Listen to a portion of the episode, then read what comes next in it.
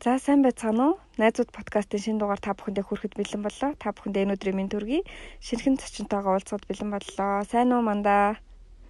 Сайн уу? Өглөөний минь. Өглөөний минь. Өнөөдөр урилгыг маань хүлээж аваад өглөө эрт ажил цаг заваан зарцуулаад холбогдож байгаад маш их баярлалаа. За намайг үз оролцуулж аваад бас маш их баярлалаа. Өөрийгөө танилцуулахаас эхлэх үү? За тэгээ за намайг Баямэндийн төр мандах гэдэг одоогоор Солонгос улсад сураад ажиллаад амьдарч байна. Аа нэгтлэн мэрэгчлээ. Одоо энд бол нөхрийнхээ хамт амьдарч байна. Аа. За тэгээд ямар ямар мэрэгчлээ хаана хаана суралцж исэн талаас бас хуваалцсан сонирхолтой юм болов? Аа за 10 жилээ бол нөгөө Говьтай аймгийн гуйлан тосгон төрсөн. Тэндээ 8 дугаар ангид төгсөөд Алтай хотын 1-р 10 жилийг төгсөөд аа санхүү эдийн засгийн дээд сургуулийг Нэхлэн бодох мэрэгчлэлээр төгсөн. Аа Тайванд Asia University гэдэг сургууль магистр хамгаалсан. Одоо түрүү жил Солонгос улсад ирээд консулинг мэрэгчлэлээр магистр хамгаалсан байна. Аа. Өмнөх мэрэгчлүүдээс нь ингээд одоо Солонгос сурж байгаа нь л шал өөр салбар гэсэн үг шүү дээ тий. Энэ дээр ингээд чиний хувьд сэтгэл зүйн хувьд бэлэн байсан уу? Ер нь хүлээлтээс ч юм уу бодож исэн зүйлсүүдээс хэр өөр байсан бэ? Ямар санагдчихсэн бэ? Энэ мэрэгчлэл бол уул нь бол би нөгөө нэг ахлах ангид ороод ирэхээр хүмүүсийн нэг сонирхол үйлчлэгддэг шүү дээ. Аа. Тэгээд өдрийн тэмдэглэл бичээд аливаа ямыг тэмдэглээд ирэхээр мэдрэмжийн хувьд ч юм уу сэтгэл зүйн хувьд ч юм уу янз бүр болдог байсан ер нь би чинь айгүй тийм эмоч гэх юм уу одоо сүүлийн үеийн яриагаар тэгээ сэтгэл зүй мэдрэмжээ их мэдгэнд бол олон зүйлийг судалж агаад энэ сэтгэл зүйч бас нөгөө хүнд зөвлөгөө өгдөг мэрэгчлийг нэлээд судалсан. Тэгээ энэ чиглэлээ нэг сураад үзвэл ямар байд юм болоо гэд дотроо айгүйх бодож явдаг байсан. Аа. Тэр зүйлээ дагаад энэ мэрэгчлийг сонгоод сурсан байна. Тэг боломж олдоод энэ чиглэлээрээ цаашд ажиллахыг хүсэж гинөө эсвэл ингээд өөрөө өөртөө ажиллаад өөрийнхөө карьер ч юм уу гээд туршлагатай илүү их хөрөнгөлүүлээ явъя гэсэн зорилготой байна уу? Энэ мэрэгчлээ сурж байхдаа нөгөө дадлах хийдэг штэ. Ааха. Тэгэхэд нөгөө хүүхдийн ертөнц гээд фэйсбүүкийн групп нэгээд Монголынхон аа 60 хүүхэдтэй 13-аас 21 насны 60 хүүхэдтэй ажилласан байна. Хм за. Бүтэн нэг сараас 9 8 сарын 25 хүртэл. Аа. Дууны 3 сарыг хавартай. Ер нь бол сайн дурын ажил хийнэ гэж бодож байгаа. Түүнээс яг одоо нөгөө албан газар ажиллаад ажиллана гэж бол бодохгүй байгаа.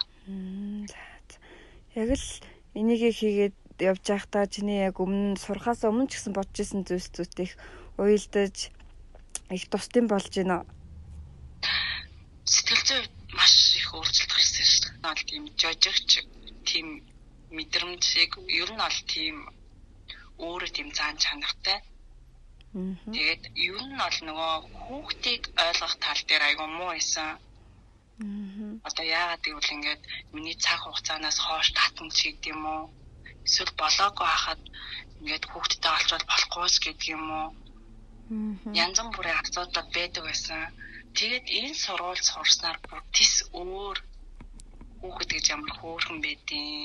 Хосууд гэж ямар байдгийг, өсвөр насны хүүхдүүдтэй харьцахаар ямар байдгийг тэд нар бас нөгөө өөрийгөө илэрхийлэх бусад том хүмүүс сонсох гэдэг нь ямар байдгийг ингээ бүр амьдралын маань тис өөр өнцгөөс харах маш олон боломжуудыг гаргаж ирсэн. Боломж одоо тийм илүү дахиад судлах хэрэгтэй юм шүү гэж бодоод байгаа ш. Боломж том өөрчлөлт орсон биш үү те? Энэ энийгээ дагаад нөгөө хувь хүний хөгжлийн талаар аюух ном уншаад дээрэс нь хүүхдтэй ажиллана гэдэг чинь ямар сайхан зүйл юм бэ гэдгийг мэдрээд байгаа шүү. Аа. Тэгэл нөгөө хамт ажилласан холбогдсон хүмүүсээс нь үр дүн ч юм өөрчлөлт гараад ирэхэд бол чамд бол маш том зориг хүч болж байгаа шүү дээ тий. би бас нөгөө эн чинь бас энэ мэрэгчлэгийг эзэмснээ бас хосуудтай аюух ажилт юм билээ. Аа за. Тэгээ яг л нөгөө улалт улаллаар даасан нөө хичээлийнхаа төлөвлөгөөний давуу бас хол байгаа хосууд ямар байх уу хүмүүс яагаад ингэж салж нийлээд идэх ч гэдэг юм уу те? Одоо надтай бол ингээ бүтэн жил гараа явж байгаа гурван хүүхэд байгаа одоо л аа Бусд нь бол яг уу яг тэр төлөвлөгөөний дагуу байгаа л тэгэл дууссан. Маш гоё ажил эхлүүлсэн байна. Би нөгөө юуг нь л харсан байсан одоо мэдээллийн гэтээ ийм нарийн учиртай гэж сонсоог байсан чинь сайн сонсоод бүр айгүй гой мэдрэмж төрлөө. Би бүр энэндээ зориул цаг гаргадаг. Би өөрөө хүртэл маш олон зүйл сурж байгаа юм чаа. Чиний хувьд нөгөө амьдарч байгаа орчнууд ингээд өөрчлөгдөхөд сэтгэл зүйн хувьд ямар өөрчлөлт гарч ийн Монголдо байж байгаа Солонгост очих, Солонгостой өөр газар очих, ажлын орч эсвэл чи бас өмнө 50-нд ч амьдарч исэн тий. Энэ бүл болгон дээр өмнө нь яг гоо ийдшээ явхад яг төлөвлөөд угаасаа би ингээд очиод амьдрнаа сурна болтно гэд явхад бол нэг асуудалгүй байсан. А энэ одоо болохоор Солонгос би чинь мэрэгсэн нэвтлэн бодож байгаа сургалтанд ирсэн шүү дээ. Анх явахтаа бол тий Тий анх бол сургалтандаа суучгаад сар гарan жоохон аялал хийж байгаа. Тэгээ буцна гэсэн анх бол Монголоос төлөвлөгөөтэй ирсэн. Ирснийхаа дараа нэг сар амьдраад үзсэн чинь илүү амьдрах боломжтой санагдаад тэгээд энд ирсэн айнаа шийдвэр гаргасан аахгүй юу. Тэм шалгалт өгөөд сургууль тэнцээд яваад орчихсон. Тэгэхэд яг го бусад зүйлийн хувьд бол нэг хэцүү санагдаагүй. Нөхрөөсөө ол амьдрах амар хэцүү байсан. шууд ямар сэтгэлзэн бэлтгэлгүй. Тийм би. Өмнө нь л ингээд сэтгэлзэн бэлтгэлтэй байсан. Тэгээ шийдвэр нь гинтийн тий. Тийм шийдвэр маань гинтимс манай хүн бол үгээ чи солонгост ингээд сурсан хүмүүс бол ингээд ажил хийдгээ чи бол хийж чадахгүй бити тийм ажил хий зүгээр ирээл гоё ингээл хятлангаа хийлгээд гэсэн. За баялаа бас нэг өөрчлөлт хийх гээд үзье гэж шийдвэр гаргасан. бас ойлгож хүлээж авч хүлээн зөвшөөрнө гэдэг чинь бас л том дэм шүү тий. Тийш дээ. Ана дураараа. За энэ ингээд айгу яг чиний яриг сонсоход бас ингээд өөрийнхөө өөрөө шууд шийдвэр гаргаад хийх хийдэг юм зөрөгтэй мэдрэмж шууд төрж байна. Тэгэл чиний хувьд ингээд өөрийгөө олох, өөрийгөө таних гэдэг хэр чухал гэж боддог. Бас чиний хувьд өөртөөгөө ажиллаж эхэлснээгээ хэдий насны үеэсээ ч юм уу ингээд илүү ойртож өөрийгөө ойлгож эхэлсэн гэж боддог бай. Их сургуульд ороод ер нь бол 10 жил төгсдлөө болохоор нэг тэгэл ээж ахаа гардаа эрхлээл бийждэг. Тэгээд их сургуульд орж ирээд ер нь би ингээд гэрээсээж гардуу тийм үгтэйсэн шүү дээ. Ер нь бол гэртэл бийжээгээл. Тэгээ юм амар бичдэг, тэмдэглэдэг шүүн унтаал унтчихтай үрдэл ингээл гинт ингээл бодолд ороод ч юм уу янз бүр болгоод бос чирээ биччихдэг. Аа. Тийм хүүхдээсэн. Тэгээ юу ер нь аль тэгэд нөгөө нэг гэр амьтай ч юм уу тийм хүүхдэд байдагсаа тэгэхээр нэг яг л нэг бичээд ивэл болох юм шиг санагдаа өөргөө амар тусгаарладаг байсан байгаа байхгүй юу.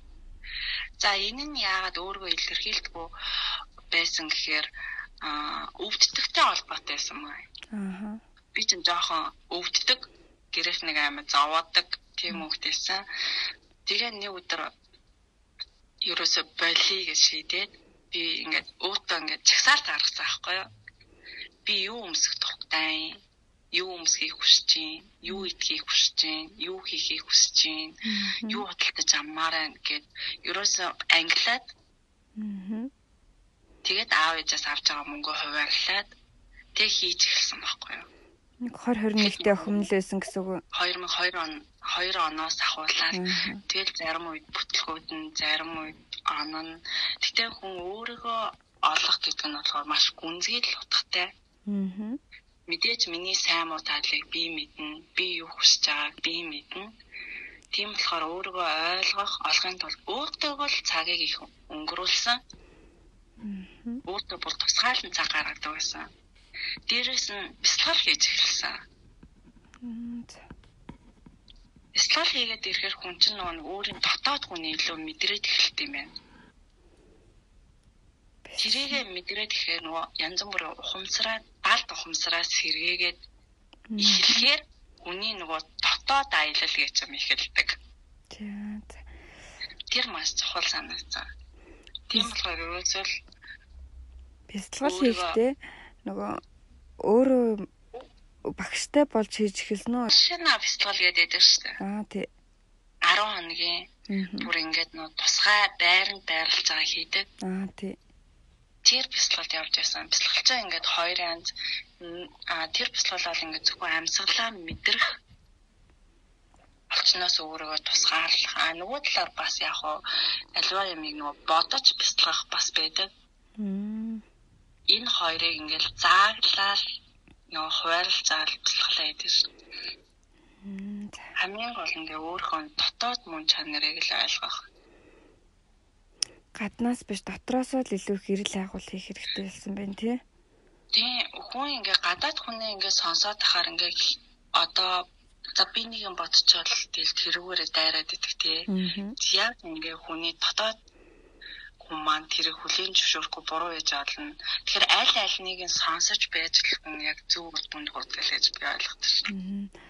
Одоо энэ тал дээр ч бас хүмүүс их анхаарал хандуулдаг болчихж одоо өөрийгөө олъё, өөрийгөө таних гэл яг чиний одоо төрөлдөөд явж байгаа хэн нэгэн байх юм бол нэг тийм алхам хийгээд үзээсэй гэж хэлвэл юу гэж хэлэх вэ? өөргөө сайн илэрхийлдэг байгаасаа л гэж би боддог. Хүү ингээд нөгөө нэг Тэгээ бас мэдрэмжээ илүү дагаасаа гэж боддог. Хүн бодохоор нөө бодол гэж юм чинь сайн муу тал руугаа ингээд бод төсөөлөөд ингээд уйлдуулаад ургуулсан бодоод ингээд замхацдаг штэ. Тэгэхээр бодол маань мэдрэмжтэйгээ уялдаад ирэхээр яг зөв шийдвэр гаргадаг л гэж боддог. Тийм болохоор хүмүүс эхлээд хүнд өөрөө юу бодож байгаа, юу хийх гэж байгаагаа илэрхийлдэг байгаасаа. Хүн хүнд ингээ өөрийнхөө хийх байгаа зүйлийг юм уу бодож байгаа зүйлийг илэрхийлж чадахгүй ойлгуулж чадахгүйгаас болоод айгүй бүтлгүүддэг. Тийм болохоор ингээм бусадтай сайн ярьдаг байгаасай л гэж би боддог ш. Илэрхийлэг гэхэр чинь хин нэгэн сонсогч хэрэгтэй болно гэсэн үг шүү дээ тий. Тэр хүн өөрийг ойлгохгүй байвал бас яах вэ? За одоо нуун ихнэг нөхөрийн хувьд тий. Аа ингээ ойлголт ингээ одоо би нухтаа нэг зүйлийг хэлсэн чи дэмжихгүй байлаа шүү. Аа. ойлгуулахын тулд олон арга шүү. Одоо мэдээж би ингээ ярьсан чинь ингээд ойлгохгүй хэрүүл болох гэдэг шүү. Аа. Тэгэх юм бол захиа гэдэг төрөлөө шүү. Аа. Би бол ингээд за ингээд ийм ийм ийм шалтгааны улмаас би ингмээр байна би бол ийм учраас энэ ингээд зөв гэдэг бодлыг ингээд чамд ингээд хэлж байна гэхэд тэгэхээр манай хүн буцаад ингээд хариуцдаг байгаа. Энэ бол болж энэ болохгүй. Би чиний энийг ч буруу ойлгосон болохоор ингэж хэлсэн учраас дэмжээгүй юм. Энэ чинь ингээд зөв шийдвэр байна. Энэ чинь буруу байна гэдгийг илэрхийлдэг шүү дээ. Тэгвэл бас хинтээ хуваалцах чинь хинт илэрхийлж яах гэдэг нөгөөнөө бас ажиглах хэрэгтэй юм тий. Айгуу чухал байхгүй. Чиний хувьд бол сайн сонсогч бол нөхөр нь байна тий. Тий. Сайн сонсогч. Өөр одоо энэ сая чиний яриан дундаас нэг зүйл анзаарлаа. Тэр илэрхийлэх дээр бас өөрийгөө юуг сонирхол ч юм уу? Яг юугаар өөрөө илэрхийлэх дуртайгаа бас бодох хэрэг тийм чи жишээ сая бичих гэд хэллээ шүү дээ тий. Тэнгүүд өөр хүмүүс чинь шууд яриагаар илэрхийлэх ярих дуртай хүмүүс бас байдэн шүү дээ тий. Өөрийгөө бас ажиглах хэрэгтэй юм байна гэж бодогдлоо. Тий угаасаа альва юм хийхээр нөгөө өөрийнхөө чадвар аль чадвар нь илүү байна? Тэр чадвараараа л бусдад өөрийгөө илэрхийлэх нь илүү дээр л тий Тийм. Би чинь ярих чадвар муу хэрнээ бичиж тэмдэглээд нөгөө бусдаа ойлгуулахнаа илүү ойлгомжтой ч юм уу залхуурахгүй нөгөө тоо сайн гаргаж чадчихжээ. За чамаас сонсох ч юм уу ингээл мэддэг болсноос анзаарч байгаа бас нэг сайхан чанаруудаа нэг хуваалцах чанарыг ингээ олж хараад байгаа байхгүй би. Тэгэхээр чиний хувьд энэ одоо сурч мэдсэн мэдлэг, дуршлаг энэ бүхнийг ингээд бусдаа хэрхэн хуваалцж гин яг юу нөлөөлөд байдаг вэ чамд? За би ингээд хүмүүст ингээ нэг зүйлийг хэлчихээр бүр амар гоо биелээд байдаг юм шиг санагддаг шүү. Аа зарим хүмүүс ч эсрэгээр өгдөн штэ тий бусдад хэлэхэр биелэхгүй яваад байдаг. Манай найз бол ингээд хийх байгаа зүйлээ хүнд хэлжээр ерөөсө бүтдэггүй гэж ярьдаг. Би бол тийм ш. Би одоо 50 ном уншнаа гэдэг ингээд ингээд зүгээр фэйсбુક дээр бичсэн байхад одоо хүмүүс надаас асуун ямар ном чинь ямар сонголт хийж гин гэдэг ч юм уу те яг ингээд дараа эргээд жилийн дараа ч юм уу 3 сарын дараа ч юм уу нөгөө ингээд он сараараа нөгөө чан гараад ихээр бүгдээрээ биелсэн байдаг. Ер нь бол би хамгийн анх нөгөө өглөөний хүн болох 100 өдөр гэдэг нэг групп байдаг байсан. Бүүр хамгийн одоо байгаль та 2005 4 оноод би тэрэнд аяйгүйх өглөө хийж байгаа бичдэг байсан. Баг өдрийн тэмдэг шиг. Тэгээ хүмүүс надаас пост бичдэг байж байгаа. Аа ингээд тэгээ нэг удаа нэг хүн надад тэгч. Би ерөөсөө ингээд чамайг анхаарад юу бичээд өглөөний 2 цагийн тайлан бичээд хин хамаатай ингээд боддог байсан. Тэгээ нэг мэдсэн чинь би ингээд дуурайгаад өглөө болгон пост хийж арсан. Үс нэрээ алим идмээрээ итгэх хэвээр маань аа нэрээ ингэх хэвээр маань зөв сууж явах та тий нэрээ нэг цаас ихэд нэг хөөх юм гэж бол болох юм байна гэж бодоод дагаа ийгээдсэн чинь би бүр бүтэн жил олчиж гэдэг. Хэлсэн надад. Дараа нь би нөгөө хүчрэх эмэгтэй өөрийгөө бүтээдэг гуравт нийтээд бас нэг нь ураад тэр нь маш их өөрхөн тухай хуваалцдаг. Сүүлд нь тэгээд нөгөө өглөөний гайхамшиг гур байгаа шүү дээ. Тэгээд нөгөө амжилтыг өнөөдөр өөрөөсөө групп энэ тэгээ номын групп энэ хитгэн группт өөрхөн тухай аюу хуваалцдаг.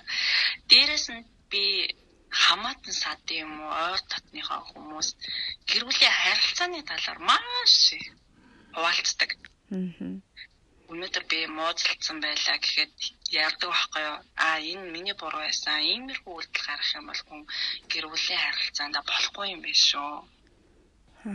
Энэ нь агуу зөв байсаа. Хэрвээ иймэрхүү тохиолдол гарчих юм бол та нар ингээрэй гэдэг мессежийг бүр энэ хүнтэй суугаагүй, найз нөхдөд болж байгаа дүнгэж өвөрхөж эхэлж байгаа хүмүүс би нэрээ залхатал нь овалцдаг. Эргээд тэр нь хүмүүс тухайн үед бол хүмүүс ингэж боддог байхгүй юу? Энэ одоо өөрөө рекламдаад байгаа мó? Эсвэл энэ тэ хинд хамаатай энэ амьдрал эсвэл энэ ингээд муудалцсан ч юм уу өөрийнх нь л асуудал штэ гэж боддог. Гэхдээ эргээд юм чинь хүний амьдрал болохоор бүх зүйл хүн тохиолддог. Би бол хүмүүсийн постноос ингээ ууртай үедээ битсэн, жаргалтай үедээ битсэн постуудыг би бүгдийг хараад уншаад аа уурсан үедээ ингэж болохгүй юм биш үү? А хүн ийм мэдрэмжийг гаргахаар гоё юм байна гэдэг би дандаа ингээд хүний янз бүрийн бичвэрүүдээс ч юм уу тийм зүйлийг өөртөө аймаа сурч авдаг. Тийм постод тийм аа нөлөөлөх байх гэж бодоод ямар ч зүйлийг би аймаа дэлгэнгүй хуваалцдаг шүү дээ. Тийм шууд ажиглагддаг. Би бас тэр мэдрэмжийн холцох тал дээр ирнэ яг чамтай ижил бодолтой байдаг. Тэгээ ихэнх хүмүүс болохоор яг ингэж алдаа гаргах юм шиг санагдаг. Нэг ингээ хуваалцах дуртай ер нь ихэнх хүн хуваалцах дуртай гэвч нөгөө нэг хуваалцаж байгаа хүмүүс нь ойлгохгүй ч юм уу нэг үл ойшоо ч юм уу тиймэрхүү ингээл хандлага гарангууд тэгсэгээл өөрийгөө ингээ хязгаарлал зогсооч тийм шиг санагддаг. Тийштэй. Тэгээ хамгийн сүүлийн хамгийн сүүлд түрүү одоо оны өмнө шүү дээ. Нөгөө хэдүүлээ талархал юм бол тэгээд өдөр болгоно гурван зүйл талархах гээд одоо л би хийж байгаа шүү дээ Дээрээс нь өдөр болгон гурван зүйлээр нөхрөө магтдаг. Өнөөдөр ингээ 3 хоног хамт ажилласан хүмүүс манадад бүр ингээ хоног шилтэй. Атааргүй зүйл өгсөн багт би үн тэрийг яриагэл тэмдэглээ тэр хайрцагнаа ярьцдаг. А дандаа нөгөө таарахгүй штэ. Тэгээд дараа нь ингээд нэг ажилтай ч юм уу таарлна. Тэгэхээр асуудаг байхгүй юу? Маргааш ирэх үү гэд. Ирнэ гэх юм бол гэлс аваачаад өгчдөг. тэг зул маань одоо хүртэл төлөвссөн. Тууштай. Ингээл хуваалцаж сурснаар л чи бусдыг бас маш сайн дэмжиж чаддаг хүн юм бэ те. Дэмжлэг ингээл хин нэгнийг хийж байгаа зүйлийг шинээр бүтээсэн зүйлийг дэмжиж чадчих байгаа чадвар ч юм уу сэтгэл юм тэр зүйл бас чамаас маш их анзаарагддаг. Ингээ танихгүй хүмүүс хүртэл хараад мэддэг гэдэг тий. Чам дэр нь хүмүүс энэ талаар хэрэг илэрхийлжсэн бэ? Надад аа яагаад чи надаа хамгийн сонирхолтой нь хөвсгөлөөс нэг ах залгаад танихгүй юу?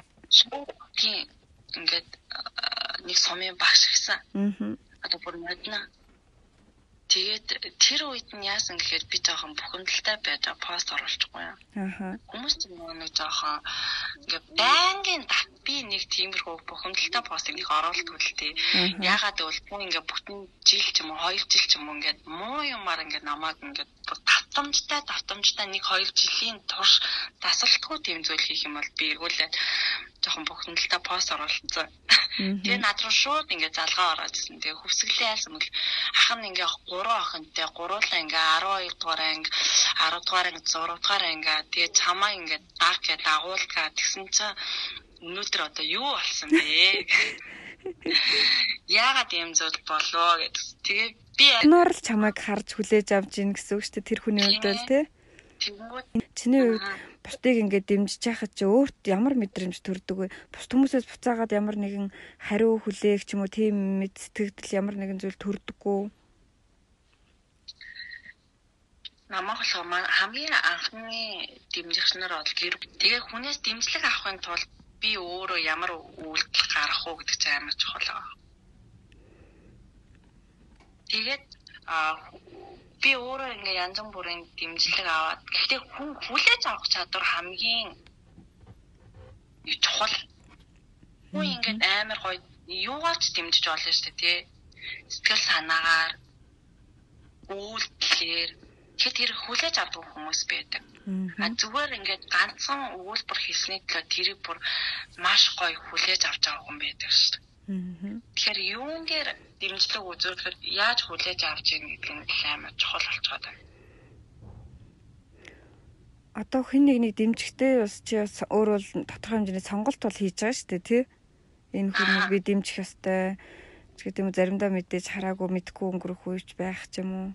Сонголт хийх дээр нь ямар хуу шалгуурч эсвэл өөрийнхөө шууд мэдрэмж ч юм уу юуг дагдаг вэ? Би болохоор нэг одоо эд материал ч юм уу сэтгэл санааны хувьд ч юм уу хүнд дэмжлэг үзүүлэхдээ бүр зориулдаг байхгүй юу. Аа.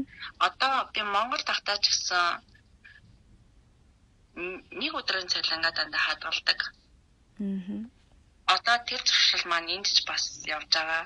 Би 10 хоног ажиллах юм бол нэг өдрийн цалингаа дандаа хадгалдаг байхгүй юу. Бусдад туслан дэмжинэ гэж. Аа Гэхдээ илүү нөгөө нэг хүний эд материалаас илүү одоо хүний оюун дээр илүү дэмжлэг үзүүлэх гэж бодож байгаа. Аа. Би 10 эд хүүхдийг англи хэлний сургалтанд явуулсан.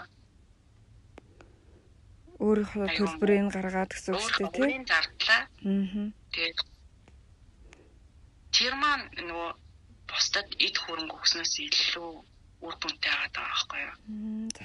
Дээрээс нь гэр бүлийн хайр ямар ч ингэдэг өөртөө ингээ эд материал зарцуулахгүй хэрнээ гэр бүлийн харилцаан дээр өсвөр насны хүүхдүүдэд гэр бүлийн харилцаа өөрөө орон зайг бий болгох үүднээс нөгөө аюух ярилцаж бас дэмжлэг үзүүлж байна. Тэр нь болохоо нэг надад бол ингээд би бол ингээд надаас бол цаг хугацаа бол залцуулагдчих штеп. Тэгэхэд нөгөө өсвөр насны хүүхдүүд маань нөгөө гэр бүлийн халуунд бол уур амьсгалыг мэдрэх. Аа тэр гоё мэдрэмжүүдийг авч байгаа болохоор надад ерөөсөө сэтгэл зүйн хувьд амар хаппи. Тэгээд бүр нэг гоё амар амгалан болдог. Дээрээс нь хүнд туслаад хүнийг дэмжиж ирэхээр бүр ингээд сэтгэл маань бүр нэг гоё ингээд уужраад бүр нэг инэрэнгүү болоод дээрээс нь ингээд миний хүсэж байдаг шунлууд ингээд дарагдаад байдаг. За бүр илүү ингээ байгаа зүйлдээ талархаж амьдардаг ш. Бас нөгөө ич хиттэйгч гэж чиний постнаас бас харж ирсэн. Хэдэн жилийн өмнө ич хиттэйгч болж исэн бэ? Анх яг ер нь бол ингээд нөгөө ханд өвдөг. Аа. Яг онлайнаар нөгөө хаан банктай хамтрахад яг тэр нөгөө өхөл ба амьдрал гэдэг хязгааргүйгээр дансаа хизээ нүүн хаалган тэр болтлээ өдөр болгон ингээд данснаас мөн гарахаар тохируулах хийсэн. Энэ шийдвэрийг гаргахад одоо шууд л тэгээ гаргасан уу ер нь яагаад тэгсэн бэ? Хүний нөгөө нэг бодол мэдрэмж хоёр тэгэл нөө тарих зөөр хоёр зэрэг хүлэн зөвшөөрсөн үед бол юу хийсэн бөхөө зөв байдаг гэх. Би бол эргэлцсэн шийдвэр гаргасан үед бол яг ижлэгээс асуудаг. Аа. Юу буруу юу вэ? Тэг хүн дандаа тусласнараа бас онсон юм байхгүй л маш олон нөгөө буруудчихсан бас өрөнд орж исэн. Аа. А тэгтээ бол ихэнхдээ бол зөвл байдаг. Зөвл би нөгөө нэг үхэнсэн гэд бодоод ингээд дотроос ингээд цаанаас мэдрэгдээд ирсэн үед бол би шууд өгдөг. Юу ч байсан. Бүтэн сараа цалинж гэсэн өгчдөг. Өгчөөд бүтэн бүтэн сар хоёлаа явгаа алхаар хөтөлцөөл инээлдэл явж исэн төгсдөн дөө би. Сайхан чанаруудтай шүү.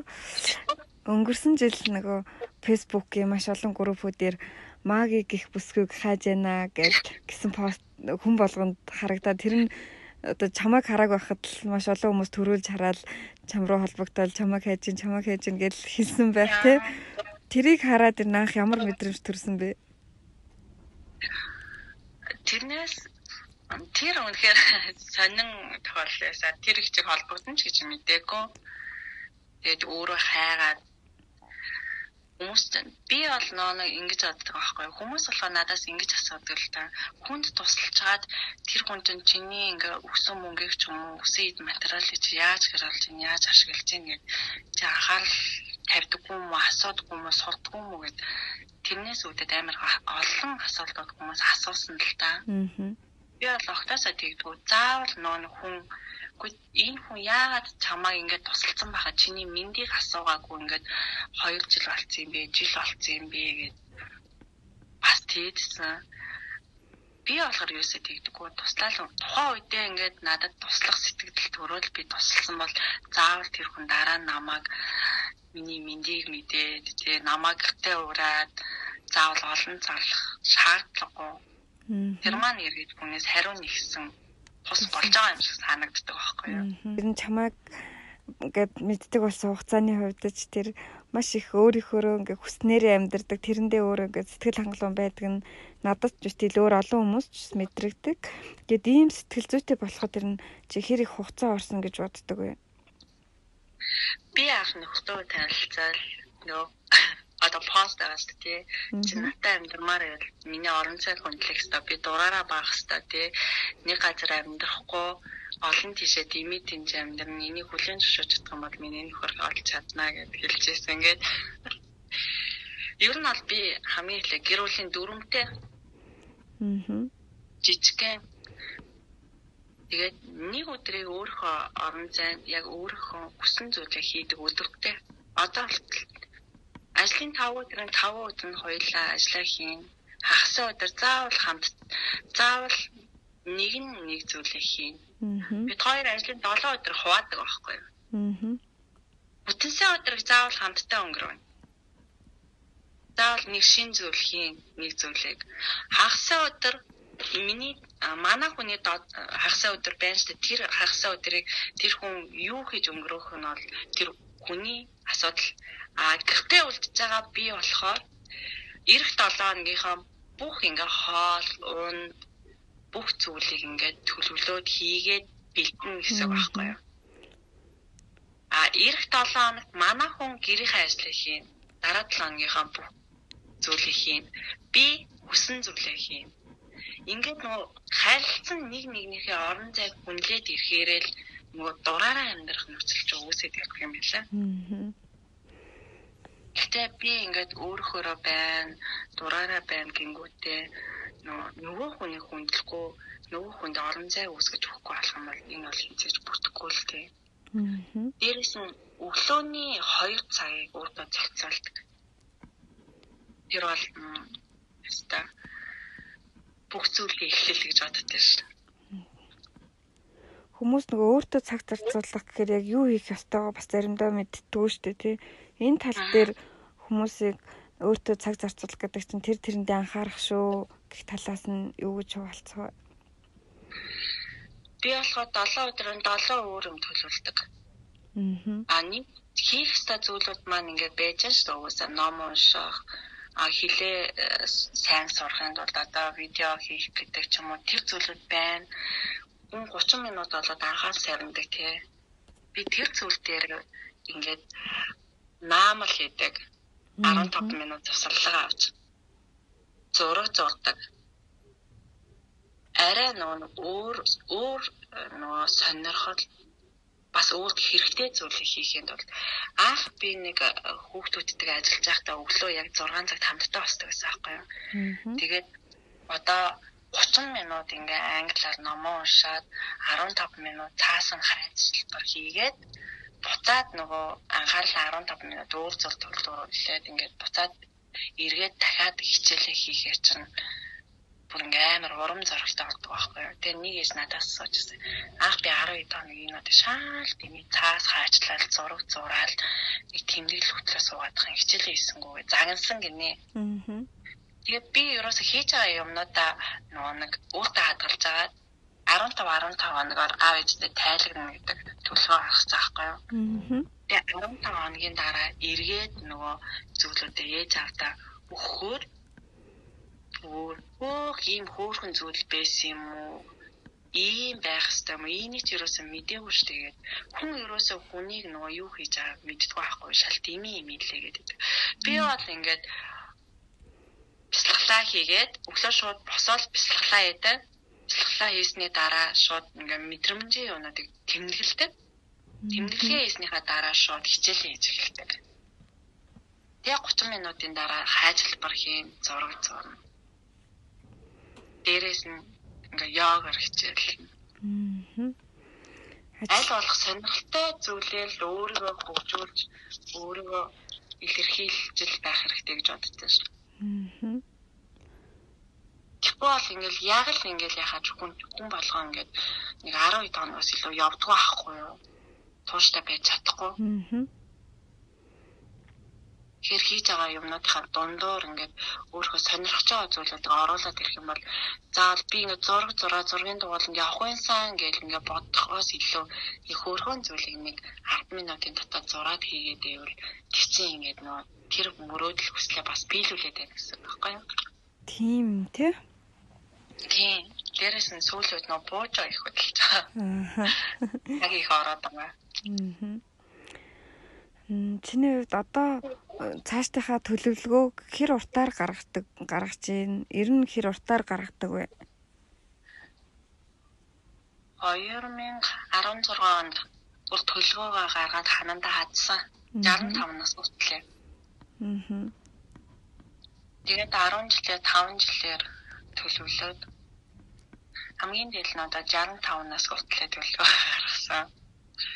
Одоо 40 нас хүртэх төлөвлөгөө маань хоёр зүйл билээ. Бусд нь бол биш. Аа. Тэгэхээр нөө нэг би бол ингээд нүдэн дээр ингээ хараад ахаар биелээд идэг. Би нөгөө ингээд биччихээр биелээд байгаа юм шиг санагдаад идэг гэж хэлсэн шүү дээ.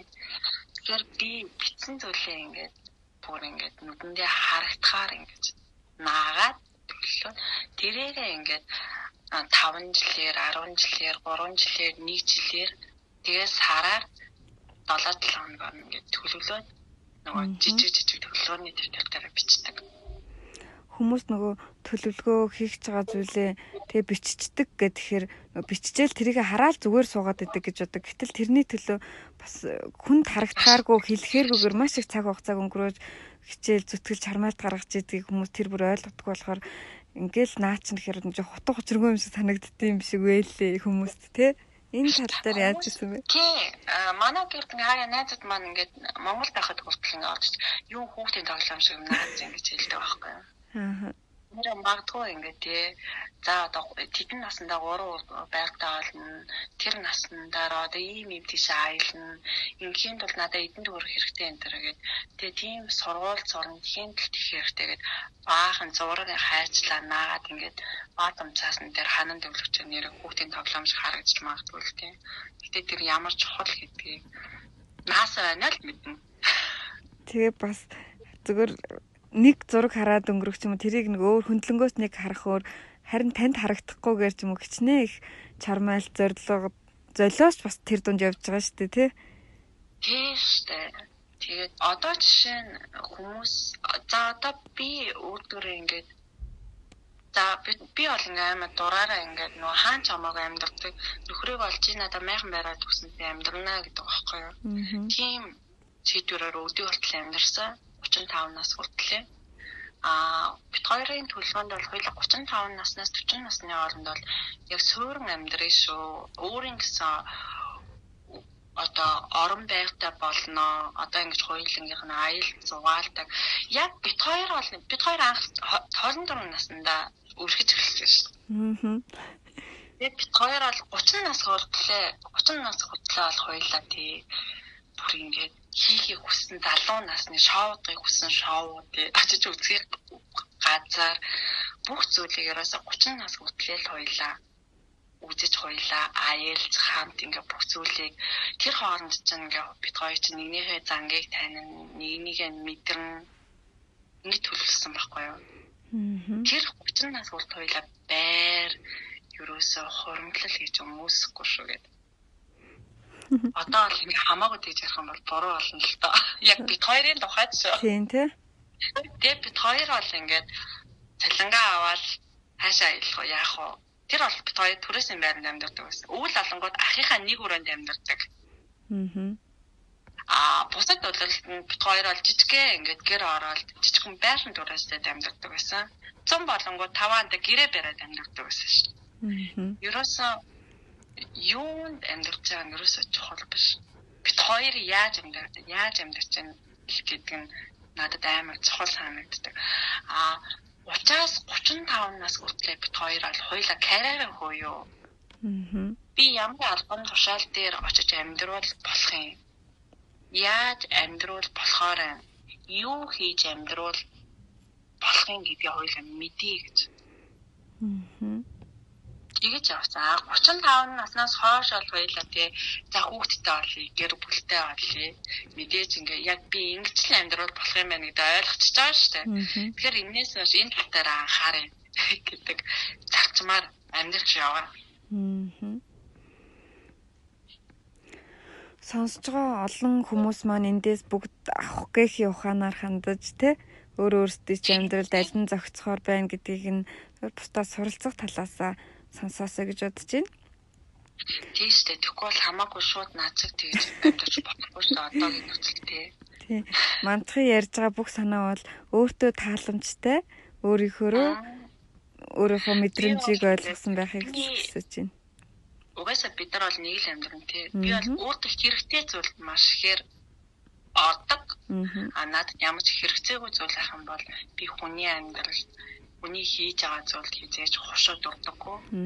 Аа. Тэгээд бид хоёр бол хоёлаа ганцхан амьдран ганц амьдрах насандаа хүнд хэрэгтэй өөрсдийнхөө аз жаргалыг ингээд энэ гоё хэмжээгээр нь хадгалжуулдаг а бусдад ингээд тий үлгэр дуурайл болох. Гэхдээ заавал нөө бусдад үлгэр дуурайл болно гэхээр амар ингээд нөө нэг бичээл тэмдэглээд ч юм уу эсвэл шууд олны танил байгаа юм уу тий. Тийм биш. Ингээ орчин тойрныхаа хүмүүст ч юм уу тэгжил амьдрэл гэж бодож угаасаа хүний нөгөө нэг амьдралын үнцэн гэж юм чи угаасаа намаа хэн болохыг тодорхойлдог зүйл шүү дээ. Тийм болохоор илүү гоё үнцэнтэй амьдрал гэж боддог. Хит их юмд баригдахгүй. Аа. Одоо чи бол ингээд гоё мэдрэмжээ илэрхийлээд сурцсан болохоор ямар нэгэн айдлаа давтсан байна гэсэн үг байна тий бас айдас тэгтээ байнга л даа тийм шүү. Бусад хүмүүс ингээд хуваалцмаар байгаадс нэг жоох айдас байвал тэр хүмүүсийг юун дээр анхаараасаа гэж бодож байна. Одоо би бол ингээ анх бол нөгөө өвддөг байхдаа би ингээд нөгөө өөргөө гоё илэрхийлэх гэхээр за за ингээд хилжүүл аав ээж юм санаан зовчих юм болоо за ингээд ийм юм сурыг хэлжүүл тээ одоо жишээ нь ингээд би ингээд сагсан бөмбөг тухтай айлаа шүү дээ тий. Сагс ингээд тоглох гоо тэгэхээр одоо бөмбөг талгаал уураа зогчвол би ингээд өвдчихэн тий. Тэгэхээр одоо эми юм болоо бас бас ингээ бусдыг зовоочих юм болов уу гэдэг ингээд айдас мэдрэмж энэ дотор байгаад байна шүү дээ. Тэрнээсээ болоо би юу ч хийдгүй байсан аахгүй. Өөрөө байгчдаг. Тэгээд дараа нь манай аав надад хэлсэн аахгүй. Хүн өвдөж болно. Гэтэ хийх хэрэгтэй, идэх хэрэгтэй, бичих хэрэгтэй. Бичих юм аа юусоо мартаж болохгүй. Гэр надад гэсэн аахгүй. Юусоо л хий. Өвцөлж хамаагүй хий. Чи ингээд өвдөд уйлж захтаа хичмээ санагдвал шууд бичих хэрэгтэй гэдэг бүр аймаг зоригжуултыг надад өгдөг гэсэн. Аа. Чи толгойлогоо бөмбөг зохиулчаад ингээд одоо би ингээд тэмцээнд онлоо шүү дээ.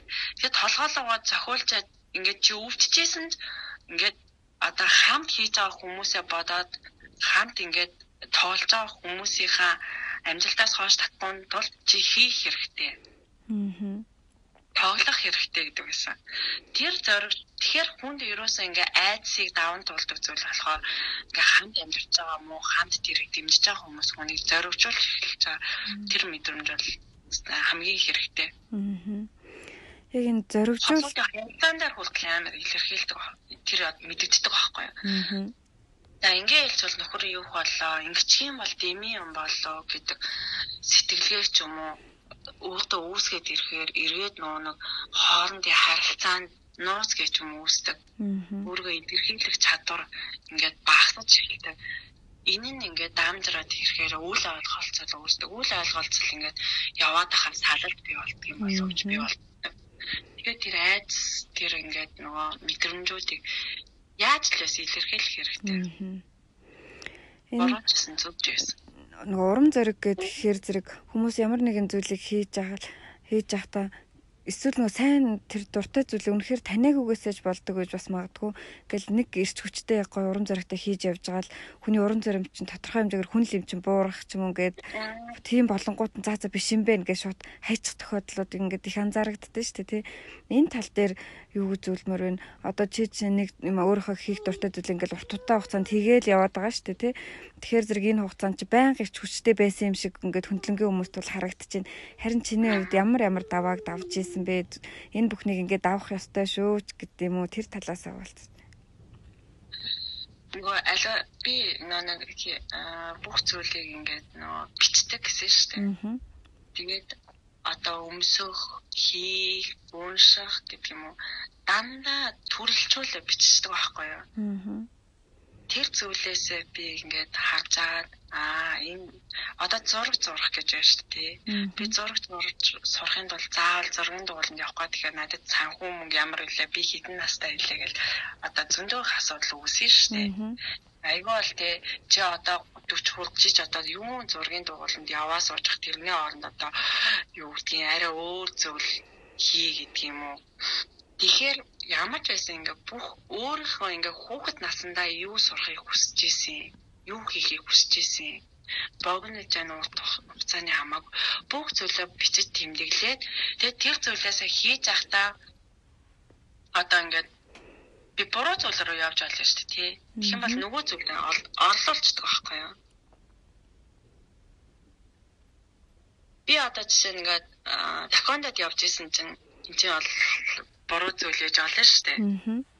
Тэнгүү тэрийгээ би тенс болгодог ч юм уу. Гэтэ бүр ингэ ингээд ингээд солиод явчихдаг шүү дээ би л. Аа. Чандраг үе зөндөл байдаг над ингээд юмаа ингээд хийгээл хийдэг хэлээд үүдэн гарахгүй юм шиг санагддаг тий. Тэмүүт яа би ингээд юу ч хиймээргүй санагдаад байна. Зүгээр энийг хийхгүйгээр зүгээр амьдч болтгоо юм уу гэдэг ч юм уу. Тийм зүйл байхаар манай ижлээ наваа. Үгүй миний яг чаддээ дээ. Угаасаа одоо ингээд нэг хоёр хоног амгалцгаа наад хоёроосоо бодохгүй гурав дахь хоног дээрээс ингээ хийчихээ. Тэгэхээр чи хийгээд ирэхээр өөр зүйлийг сэтгэн. Тэгэл тэрийгээ дагаа хийчихгүй юу гэж дандаа намайг тэгж хэлдэг. Чи л угаасаа чадахгүй л өөр чадах хүн байхгүй шүү дээ. Тэгэл би ста зураг зурмаар байна. Зураг зурхсан чи зураг зурч ямар амар хэцүү юм бэ гэж ста миний хийх зүйл биш байна. Хүүхд ахтаар хийхийг хүсдэг байсан мэт. Одоо л биш. Оо тэгвэл зүгээр гой төлөвлөгөөнийхөө нөгөө нэг календарыг сайхан зураад хийцгэлтэй бэлэн байгаа календар дээр ингээд дуулаад юмаа хийх биш те. Зүгээр наадгаа гой дөрүүлжин дөрүүлжлээд юм уу ингээд дугуй дугуй хэлбэрээ ч юм уу хийцгэлтэй. Тэг чинь л зураг штэ гэж хажуунаас хэлдэг байхгүй. Оо нэрэ тийм биш штэ гэж. ийм ийм амархан ийм зүйлүүдэл юмыг орлуулад ч юм уу шантарсан үедээ хийдэг түүнээс хүмүүс болгоно амар том том боддог тийм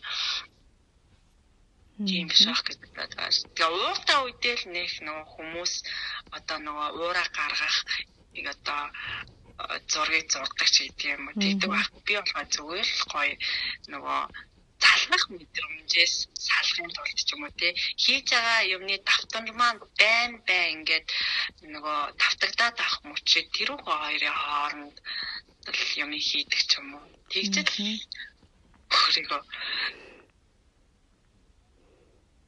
юм хийдэг. Энэ өөрийгөө илэрхийлэх мэдрэмжээ хуваалцах гэхээр хүмүүс бас өөрөөс нэг хол юм шиг сонсогдож магадгүй. Гэхдээ үгүй хүн болгоно өдөр тутам өөрөө мэдлгүйгээр ямар нэгэн байдлаар илэрхийлж идэг шүү гэдгийг бас сайн анхаараасай тий. Яг нөө мэдрэмж гэж тэгэхээр хүмүүс за юу мэдрэмж вэ зүгээр өмнөхөө л хийгээд саяхан мэдрэмжээ илэрхийлнэ л гээд ах яа одоо энийг яаж нэгэндээ ойлгуулах юм бэ гэдэг нэг асуучихсан. Тэгэхээр бас нөгөө хүлээж авч байгаа хүмүүс маань бас сайн хүлээцтэй нэгнийхээ хэлж байгаа, илэрхийлж байгаа зүйлийг сонсож байгаад хариу үйлдэл хийхгүй бол бас хол байгаа хосууд айгүй хэцүү байдаг. Би бас энэ хүмүүсийг мэдрэмжээ хуваалцахад нь айгүйх тус болох юмсан ядад сайн сонсогч байх юмсан гэдэг дээр өөрийнхөө хэмжээнд баг багаар алхам хийхийг зорддог. Тэгэнгүүт нөгөө одоо нийт ингээл хүмүүсийн зүгээр байдлыг ингээл ажиглахад хүмүүс ууртай ч юм уу бухимдсан мэдрэмжээ ер нь шууд илэрхийлдэг хэрнээ сайхан мэдрэмжээ дандаа нуугаад үлддэг юм шиг санагдсан. Тийм болохоор яагаад тэр сайхан зүйлийг хизээ хүн хуваалцна гэж дотроо хадгалахад чамд ч гэсэн сайхан санагдсан бол ядаж өөр ахаад нэг хүн ч гэсэндээ сайхан санагдуулахын тулд хуваалцахад бол буруутах зүйл үүж байхгүй илүү их үржинүүл гэж бодогдоод байдیں۔ Би болохоор нөө одоо надад ингээд дургуй ч юм уу таалагдахгүй ч юм уу зүйл гарна штэ.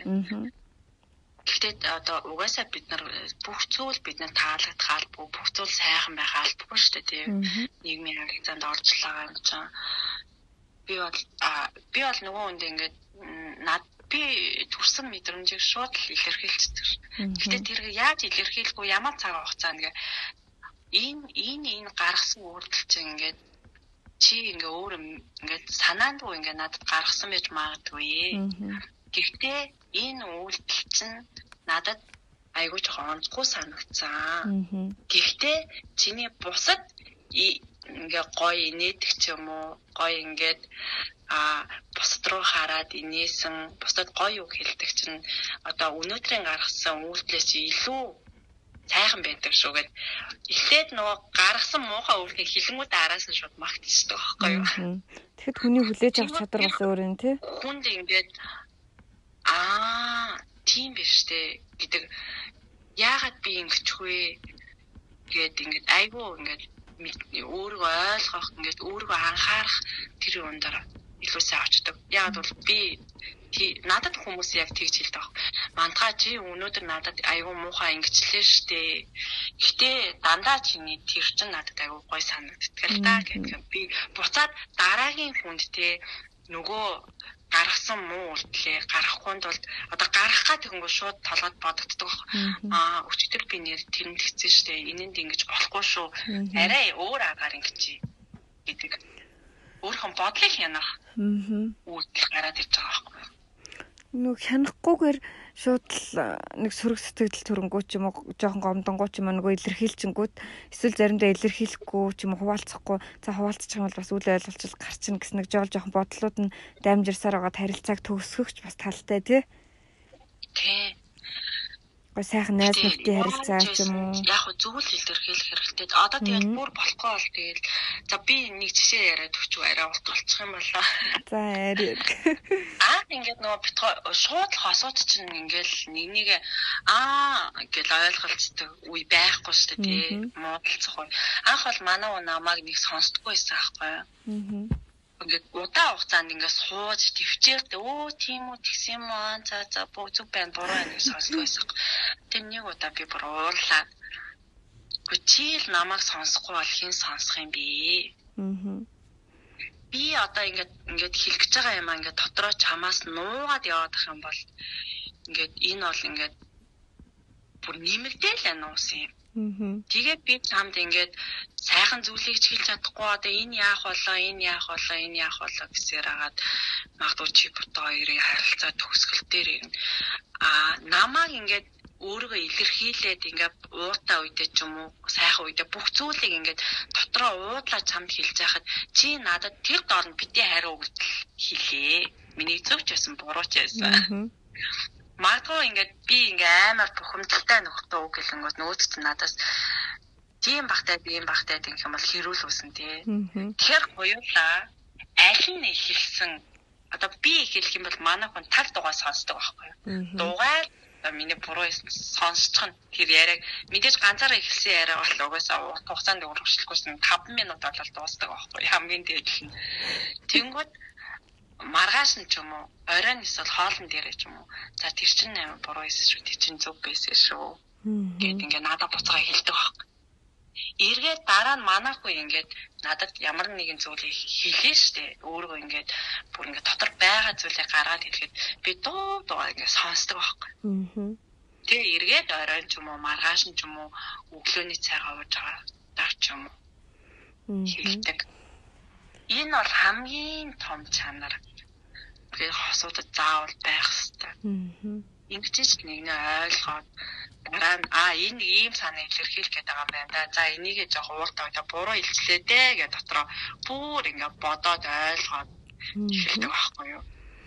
Эн чинь л одоо тэгэл цаашаа урт хугацаанд амьдрах бас нэг замын чинь томч юу шүү дээ. За баярлаа. Чамаг ийм их одоо сэтгэл зүйн хувьд ч юм уу гээд гоё нээлттэй байхад мэдээж олон газраараа аялсан, сурсан бүхэн бас нөлөө үзүүлсэн байгаа тий. Тэгэхээр чиний хувьд юм үзэж нүд тайлах гэдгийг нэг цөөгөр илэрхийлээ гэвэл чи юу гэж хэлэх вэ? хамгийн эхлээд нөө олон хүмүүстэй харьцаж сурна. Хамгийн гол зүйл чинь. Олон хүмүүс хоёлоо суралцсан. Мэдээж өөрөө маш их төлөвшнө. Аа. Сэтгэлгээний цаар хүрээгээ чинь маш ихээр тэгнэ Тэгээд ингээд явж байхдаа хүн аа ингэж амьдарч байгаа миний амьдралын чиглэл, миний амьдралын зорилго маань зөв байна уу, буруу байна уу гэдгээ маш сайн тодорхойлж чаддаг. Ерөөсөө хамгийн гол зүйлүүд юм. За баярлаа. Энэ амжилт гэж чиний хувьд ер нь юу бэ? Чи амжилтыг юу гэж дүгнэдэг вэ? Мэдээж хүн болгоны хувьд л том жижиг бүр янз бүр шүү дээ тий. Харин тийм тэгээд зарим одоо бол минийхоор бол амжилт гэх юм бол би ерөөсөө л нэг хүмүүс бол одоо гоё ажил хийгээд гоё албан тушаал дээр очоод тий энэ бол амжилт гэдэг. Би бол зүгээр л гоё гэр бүлээрээ хамтдаа байгаад хамтдаа халуун дулаан уур амьсгал бүтүүлээд хамгийн том амжилт бол нөгөө гэр бүл ингээд хамгийн гоё амар тайван байх юм бол тэр миний хувьд хамгийн дээд амжилт. Гэр бүл маань амгалан тайван гоё байж би бусад зүйл дээр илүү их амжилт гаргадаг. Аа. Тийм болохоор аль болох би ингээд хоёр биенийхээ харилцаан дээр а хоёр талынхаа гэр бүлийн харилцаан дээр бүр маш их анхаардаг шүү. Аа. Бусдаар бол миний хувьд бол заавал ингээ өндөр албан тушаалд гараад тийм тийм амжилтанд хүрээ мүрэ гэдэг. Би тэрийг болохоор нөгөө 28-аас 35 нас хүртэл бүр ингээд үздсэн болохоор одоо тэр тал дээр бүр ерөөсөө тэгж явъя гэж стохтоос боддгоо. За баярлаа. Манай подкастын нэр маань найзууд нэртэй учраас нөхөрлөл найзуудын талаар бас асуухгүй байж болохгүй. Чиний энэ амьдралын хугацаанд, хойшлох хугацаанд чамайг бие хүн болоход ингээд нөлөөлөх энэ олон нөлөөллүүдийн дунд нөхөрлөл хэр том зай хэзэлдэг вэ? Нөхөрлийн талаарх чи өөрийнхөө сэтгэлдээ суулцаач. Найзууд бол амар чухал үүрэг гүйцэтгэдэг штэ. Гэхдээ би бол хүмүүс ингэдэг те хэрэгтэй үедээ заалах чаад хэрэггүй болохоор ингээ мартдаг хүнийг найз гэдгүүгээр. Би бол над руу миний хэрэгцээ гараад залгавч байл би маш их баярлалаа эсэргээрээ заавал нөгөө чи миний найз шүү гэд ингээд бүр ингээд хилээд идэг. Тийм харилцаа бол заавал найз биш гэж боддог. Миний амьдрал бүр ингээд маш олон найзууд байдаг шүү ингээд. Бүр ингээд сэтгэл зүрхнээсээ тий миний ингээд дотоод мөн чанар миний уур уцаарыг одоо ингээд мэдгэн найз. Байна. Аа зүгээр ингээд амар гоё ингээд яриад сухаар л ирж хурч аваад идэх хүн байдаг шүү дээ тий. Тийм найзууд байна. Би найзуудаа бол маш сайн хурцлдаг. Манай нөхөр бас тэгдэг. Найзууд найзууд хэрэгтэй шүү. Яа, найзуудтайгаа ярихгүй бол болохгүй шүү гэл. Тэгэхээр заавал нөө нэг хүний найзууд өдөр тутам уу миний найзаа сайн уу, миний найзаа юу хийж ин гэхээс илүү ингээд бүр мэдчихэдэг. Аа наа бүр амар мэдэрдэг миний багын найз байдаг шүү. Яасан бэ найзаа хэд хоног алга болцсон. Аа чи жоохон тэгсэн үү? гэд манай бүр 8 жилийн гоё дэлгэр гэдэг найз байдаг. Үй юу болоод тэд хоног алга болчихоо гэ. Тэгээ зүгээр найзуудын үнц нь бол сэтгэл дотроо бүр ингээл сэтгэлээсээ л гардаг найзууд бол бүр ингээл хайрлал дотоол хайрлцаад тэрийг бүр намайг энд найзуудаа хайрлаа бодоо сууж байгаа нөгөө найзуудаа мэддэг. Манай тэр бол тэгж байгаа да гэдэг найзуудын гаргасан үйлдэлүүдийг. Аа нэг нэгнээ мэддэг. Найзууд бол тэр хэмжээнд олцтлоо л бүр ойлголцдог. Бүр үнэхээр. Урт цаг хугацаагч туулдаг богино цаг хугацаанд дуусна. Би бол ингээд найзуудтай харилцааг дуусгаад яваад өгсөн хүмүүсийг бол буруутгадгүй үргэлжлээл найзлал явж байвал найзлал байж л гэдэг. Ерөөсө заавал би чамтай найзлахаа боллоо. Чи надтай заавал урт хугацаанд найзлах хэрэгтэй гэсэн. Ерөөсө асуудлыг тавьдаггүй. Бас чи намайг магтчлаа хэрэгтэй үедээ над руу залглаа. Хэрэггүй болохоо тав боллоо гэдгийг бас хүлээн зөвш. Вөө миний хэрэг гарч ирлээ сайн биш үү найзаа гэж сууж. За маш их баярлалаа. Өнөөдрийн үнэтэй цагаан зориулан гээд сайхан ярилцсанд чи бүр ярих сэтлийг заавал төрүүлдэг тий. Гэ өнөө ер нь чамтай нэг ярилцсандаа гэсэн бодол яваал лээсэн. Тэгээд тэрийгэ биелүүлж ингээд энэ өдөр ярилцсандаа маш их баяртай байна. Баярлалаа. Гэ миний асуугаагүй чиний хуваалцахыг хүсэжсэн зүйлс байвал хуваалцчихулнаа. За тэг намайг уулз оролцуулсан баярлалаа. Тэгээ найзууд групптэй сүүлийн үед итгэхгүй байгаа. Тэгээд ер нь бол нөө нэг бид ганц л амьдрна. Тийм болохоор бусдыг ойлгож амьдаж сураасай л гэж би боддог. Бусдад өөрийгөө илэрхийлж сураарай. Бусдыг чагнаж сураарай. Тэгээ бусдыг хайрлаж сураарай. Бусдад сайхан зүйлийг хэлж сураарай. Өөрийнхөө ингээд чамд дургуй зүйл хийсэн бол тэрийг эхэлж хийлээ дараа нь мартдаг дуртай зүйлийг хийдэг хамгийн гол нь тий нөгөө юунд ч байрагдахгүй сэтгэлгээгээ ингээд тэлж өөрийнхөө дураараа өөрийн хүснээрээ л амьдж энэ амьдралыг туулаасаа гэж боддөө ш. Аа. Хүн аяндаа ингээд миний ингээд өөрийг ингээд сэтгэл гоё ингээд амгалан болоод зан чанар төлөвшөөд ирэхээр бусдад дандаа сайхан зүйлийг хийлдэг. Нэг удаа хүнд ингээ сайхан зүйлийг хэлчихэд дараа ингээ дахин дахин хэлмээр санагддаг байхгүй юу?